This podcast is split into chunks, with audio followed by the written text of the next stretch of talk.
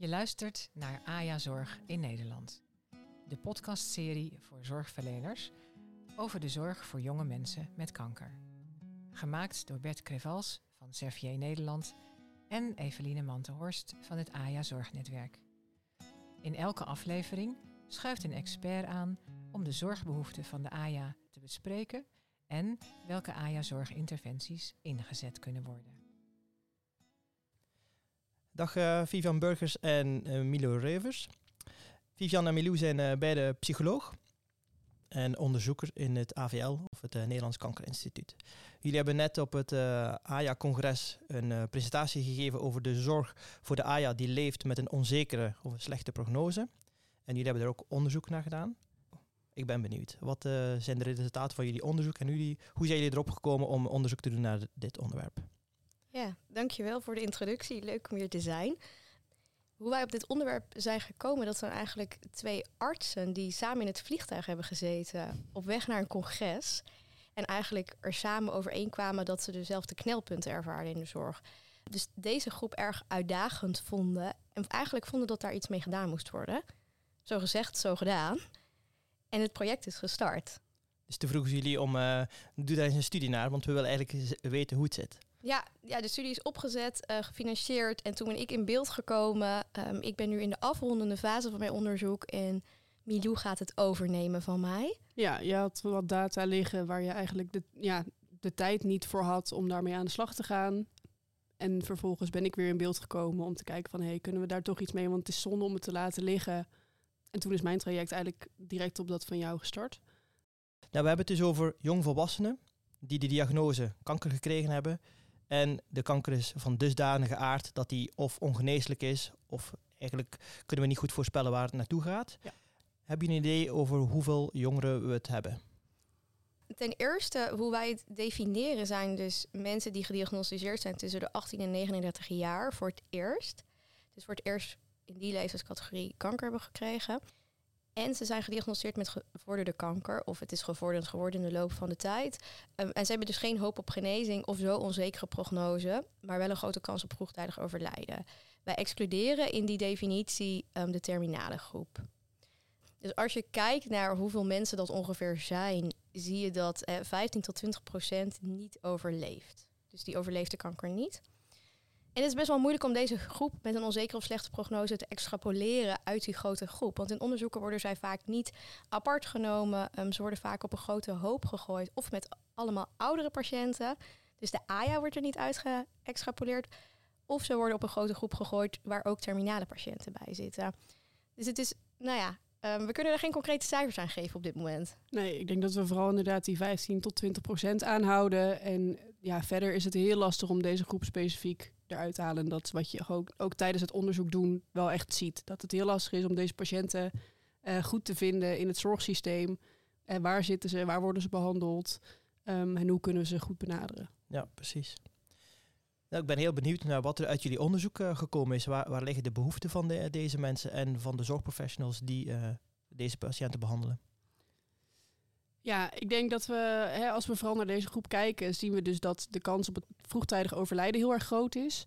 En wat daaruit natuurlijk heel erg naar voren komt, is hè, dat ze in het midden van hun leven staan, een diagnose krijgen en daarbij dus ook weten dat, nou, dat het leven waarschijnlijk vroegtijdig zal eindigen, waardoor ze hè, afstand moeten doen van het leven wat ze aan het leiden waren. En daarbij ook de rouwbeleving hebben als in, er zijn heel veel mijlpalen in het leven die ik waarschijnlijk niet meer ga halen. En wat je daarbij heel erg ziet, is dat er gewoon behoefte is naar wat ondersteuning. En oké, maar hoe kan ik mijn leven in die fase die het nog gaat zijn, onduidelijk hoe lang, maar hoe kan ik mijn leven dan nog het beste vormgeven? Welke keuzes kan ik daarin maken? Um, welke keuzes mag ik nog maken? En ik denk dat daar een hele grote behoefte zit bij deze groep. Ja, ja, je moet je voorstellen dat als jij 25 bent en niet weet hoe lang je nog gaat leven, maar wel weet dat het uiteindelijk niet zo lang is als dat het zou moeten zijn, is het ethisch om aan kinderen te gaan denken? Is het dan handig om van baan te switchen? Kan ik een huis kopen? Of als je jonger bent, kan ik nog gaan studeren? Waar wil ik mijn tijd aan besteden? En het stukje betekenis geven aan je leven, hè, dat doe je op jonge leeftijd vaak door in, in je toekomst te kijken. Want je hebt nog niet heel veel mijlpalen meegemaakt. Dus je ziet dat dat best wel lastig is en vaak gekoppeld wordt aan doelen in de toekomst. Maar wat als die doelen onzeker zijn of niet meer behaald kunnen worden? En die zekerheid kan niemand geven. Ook de zorgprofessional kan niet zeggen: ja, het is slim om nog te gaan studeren, want je leeft nog zo lang.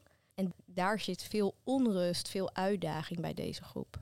Ja, en ik denk wat je daarin dan dus ziet en wat ze ook wel aangeven, is dat ze eigenlijk heel erg de behoefte hebben aan gewoon duidelijke communicatie vanuit de zorgverlener. Dus gewoon, hè, ook al is het onzeker uh, hoe de, de laatste periode uit gaan zien, uiteraard kunnen ze geen datum erop plakken van nou dit zal het moment zijn dat we bijvoorbeeld geen behandeling meer voor jou gaan hebben. Maar wel, oké, maar hoe ziet deze fase eruit? Wat zijn eventueel wel, hè, wat zijn de behandelmogelijkheden? Wat gaan we proberen? En ook als die situatie onduidelijk is, ben daar dan concreet over. En geef gewoon aan, ik weet het ook niet, maar we gaan er samen hè, zo hard mogelijk ons best voor doen. Om deze laatste fase zo goed mogelijk door te komen. Ik ga alles voor jou inzetten om dat te doen. Ze willen iemand die hè, wat durft af te wijken van een protocol. Niet per se zich vasthoudt aan de statistieken. Want ik ben al zo jong en ik heb al een vrij zeldzame tumor. Ik val niet in die statistieken.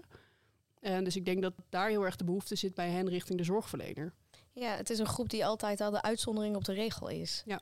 Waardoor er veel frustratie zit ook over verlaten trajecten, dus diagnosetrajecten. Dus dat vertrouwen in die zorgprofessional moet groeien.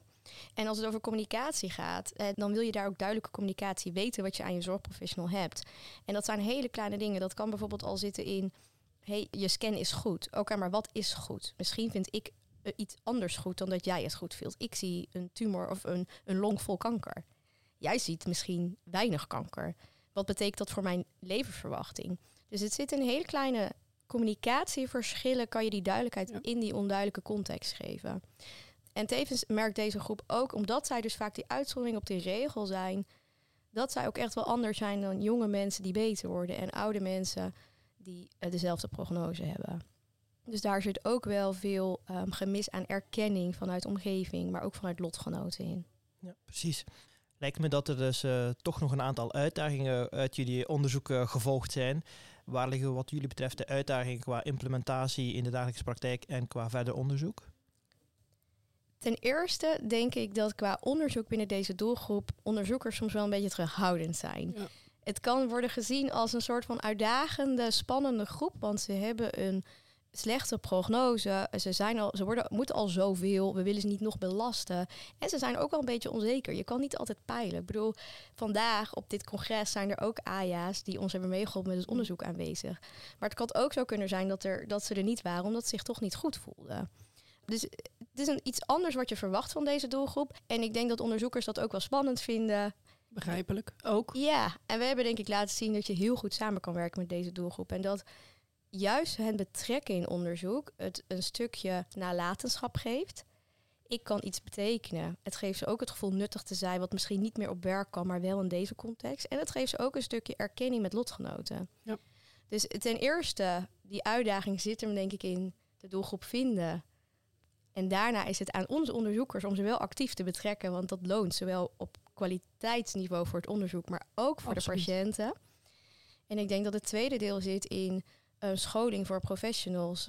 Zorgprofessionals in de volwassen sector die kiezen niet er expliciet voor om met AJA's aan de slag te gaan. Maar die krijgen ze wel in een caseload. Dat betekent en vraagt iets anders van jou als zorgprofessional. En daarbij zien we dus ook dat dit zorgprofessionals zijn die niet handenvol AJA's op hun poli hebben.